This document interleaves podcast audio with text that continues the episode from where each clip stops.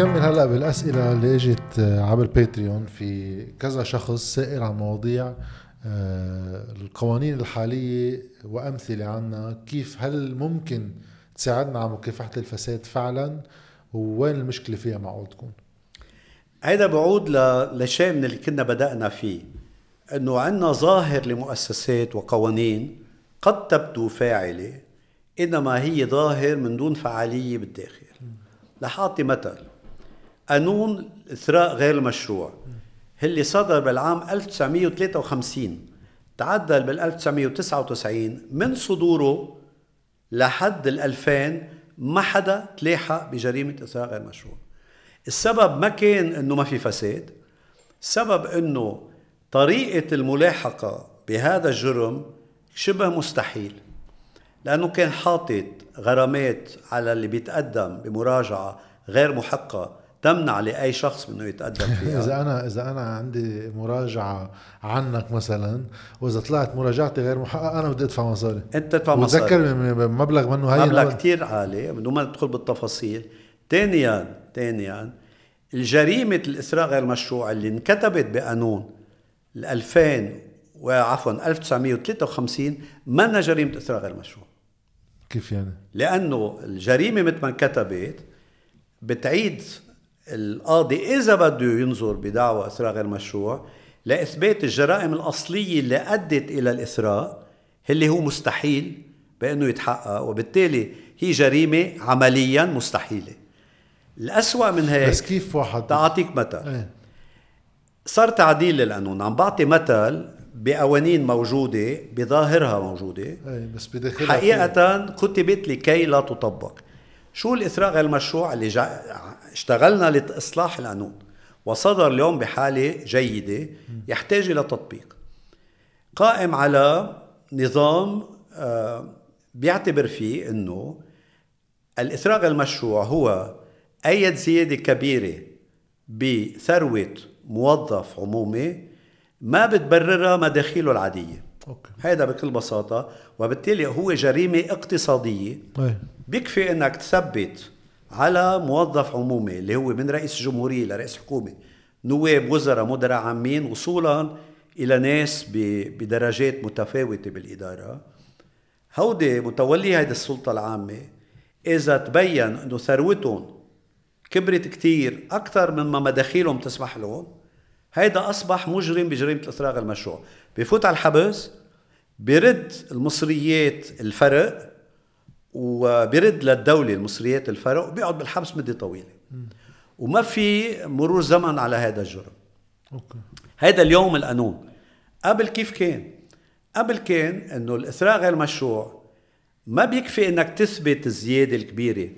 بدك تثبت الرابط ما بين هالزيادة وكل فعل من أفعال الفساد اللي هن الثروه الرشوة استغلال النفوذ اللي مستحيل. إيه مستحيل. الرشوة يعني مش رح تنكتب على ورقة ولا رح تتسجل. وما فيك تجمع الرشوة ورا الثاني تتعمل ثروة تتقول هيدا الفعل أدى إلى هيدي الثروة بالتالي أنا بلح بدك تجيب كل رشوي كل الإثبات. إيه الإثباتات. كل الإثباتات مع العلم إنه الثروة ما بتت ترتب عن آه، رشوة وبس. أيه. استغلال نفوذ صرف نفوذ و تماما. استغلال الوظيفي لثروة.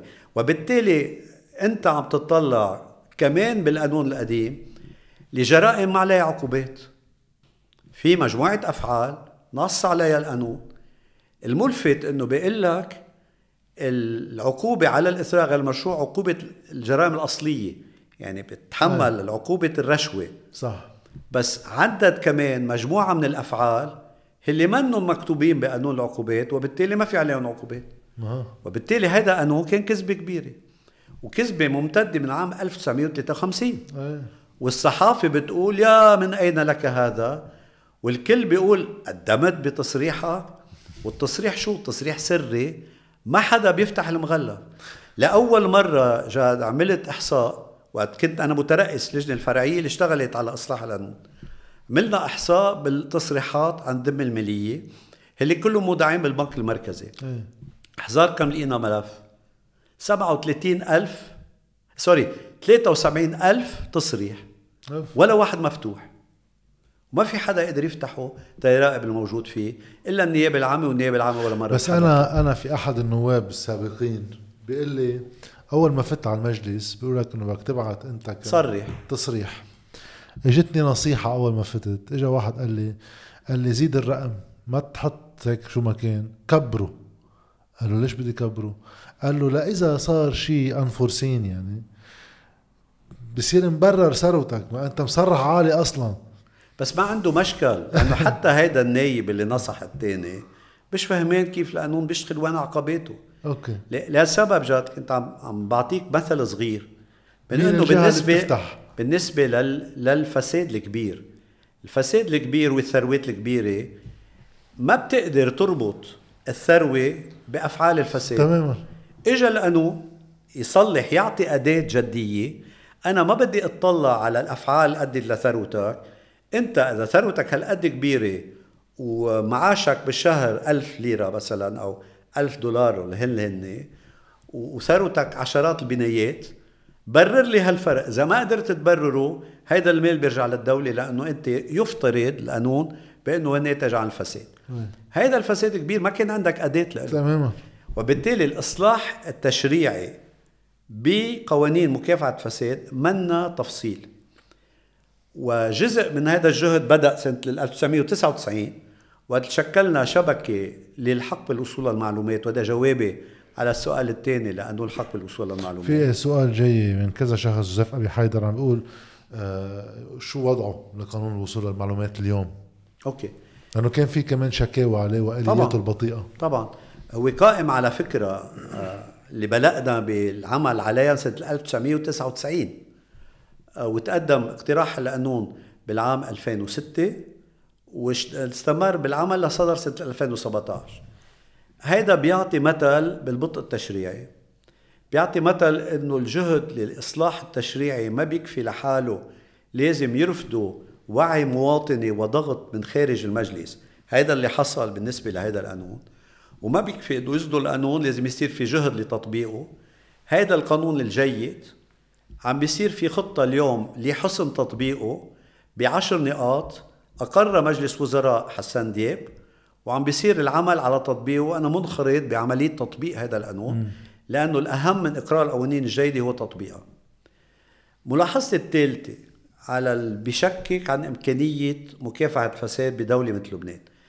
جوابي باللي كنت قلت لك إياه باللي سميته الإصلاح بالتسلل. لازم الدولة تغرق بالرغم من إرادتها بمنظومة تجعل من إدارتها حميدة أو سليمة أو نزيهة. كيف؟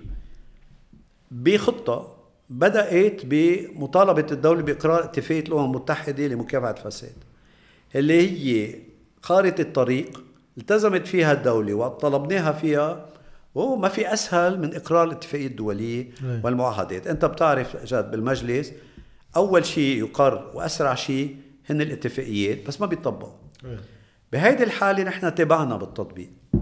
تابعناها بإقرار استراتيجية وطنية لمكافحة الفساد لازم يعرفوا المشاهدين والمشاهدات أنه هذه الاستراتيجية أقرت بالعام 2000 آه، بوزارة الرئيس حسان دياب إنما اشتغلوا عليها حكومات من سنة 2011 لل 2020 بجهود دولية ومحلية وناس وأنا كنت منهم تنضغط باتجاه إقرار استراتيجية لخطة عمل. خطة العمل بتقر أنه الفساد بلبنان فساد بنيوي. منه عمل ظرفي أو أو جزائي بس مش ناس سرقت مصاري تحطها بجيبتها. إذا بتتذكر اللي وصفنا فيه هذا النظام النظام هالنظام هيدا طريقة عمله طريق بيشتغل operational system تبعه آه، هو الفساد البنيوي.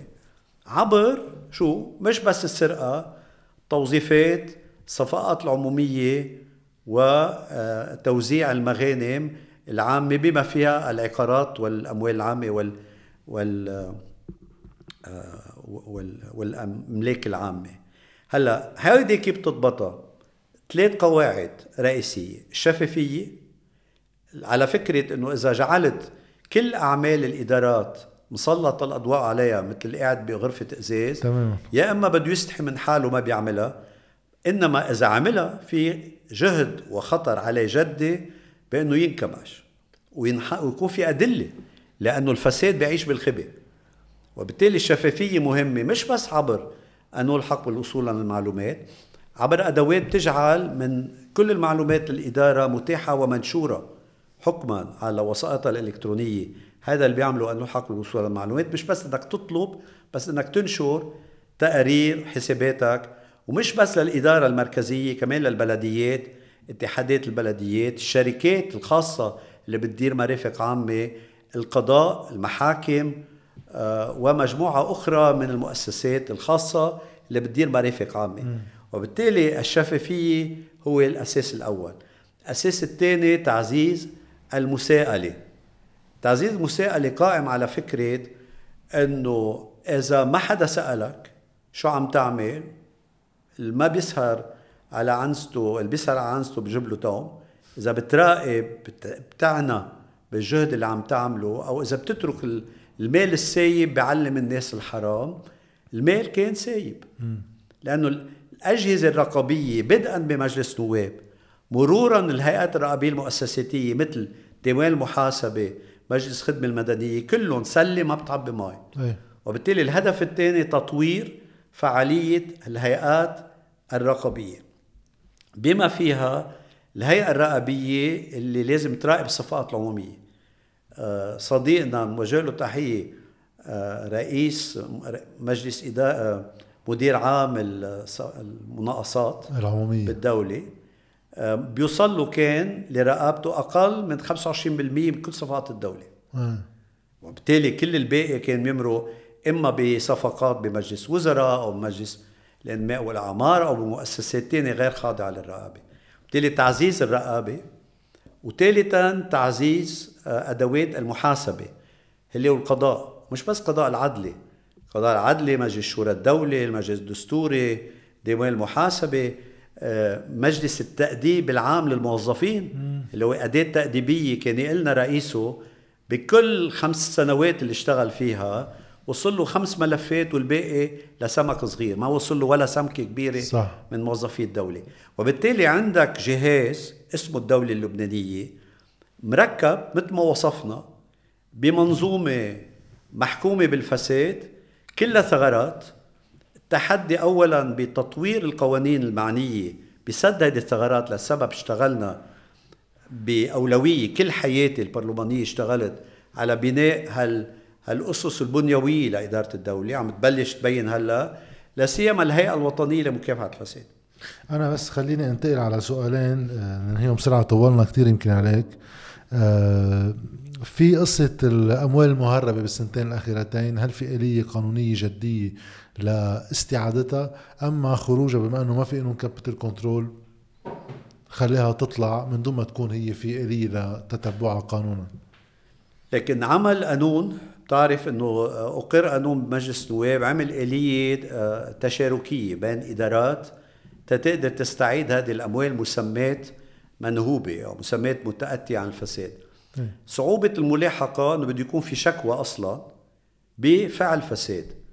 طالما ما في capital control فنقل الاموال الخارج منه مرتبط بعمل فساد فهو متاح. الشغل لازم يصير من وجهة نظري وممكن بالمحاكم الأجنبية اللي تلقت الأموال. وفي عدد من الدعاوى المقامة على مصارف ومسؤولين لبنانيين. كشف السرية عليهم هونيك هام جدا. مثل ما هو مهم جدا رفع السرية المصرفية عن كل الحسابات بلبنان لا سيما عن متولي السلطات العامة. لأنه الحصانات القضائية والدستورية المتوفرة بالإضافة للسرية المصرفية بيجعل أي ملاحقة لمتولي السلطة بلبنان غير ذات فعالية. رفع السرية المصرفية وملاحقة أمام المحاكم الأجنبية تقدر توصل لكشف الفاسدين واستعادة هذه الأموال إذا انربط الفساد فيها. أسألك آخر سؤال كمان سألوه ثلاث أشخاص على باتريون ترشحك للانتخابات؟ هل أنت مرشح للانتخابات؟ وشو موقفك من المعارضة بالبلد وشعار كلهم يعني كلهم؟ أنا مرشح إذا توفر أني أتعاون مع المعارضة الجديدة بعمل لا يقتصر على الانتخابات إنما يسعى إلى بناء دولة خلال العمل الانتخابي إنما فيما يتجاوز الانتخابات المقبلة. الانتفاضة لبل الثورة اللي قادها الشعب آه، لسوء الحظ لم تكتمل تتكون ثورة. آه، وعادت غالبية الناس اللي نزلت على الشارع نكون قرفانة من النظام وقرفانة من السياسيين والأحزاب القائمة. وأنا صدقان من القرفانين منهم كنت حتى وقت كنت بالمجلس متعاون معهم لأنه ما بيقدر واحد يكون فعال إلا إذا عمل جاهدا من الداخل. طالما التغيير من الخارج بالثورة أثبت أنه عمليا غير قابل لأنه يصل إلى نتيجة حاسمة. الارتقاء بالتطور بالتغيير وبإصلاح البلاد آه، عبر الأنظمة والقوانين والضغوطات اللي حاصلة بحتم على المعارضة الجديدة أن تتنظم نكون عندها مرشحين جديين يكون عندها برنامج قبضته جد. أنا منخرط في هذا المسعى لتجميع قدرات هذه المعارضة وملتزم معها لبناء مشروع جديد للدولة اللبنانية في المستقبل. ومن الأشخاص اللي بعد ما قرفت بالرغم من القرف المحيط فينا واللي كان موجود. آه، إنما القرف وانهيار الدولة لازم يكون حافز لإلي ولغيري إنه ما نقطع الأمل ونعتبر إنه هالبلد هي مشروع آه، مشروع دولي هذا المشروع اللي ما تحقق بعد آه، مشروع بوسطه الناس ووسطه الإنسان اللبناني. هذا المشروع الحلم بده ناس عم يحلموا فيه بس يكونوا اجاهم على الأرض تشتغل. صاروا كتار لازم يشتغلوا سوا. وأنا إن شاء الله بكون معهم إذا أتيحت لي هذه الفرصة تكون بهذا التحالف اللي عم نسعى لإقامته. شكرا لك. شكرا لك جد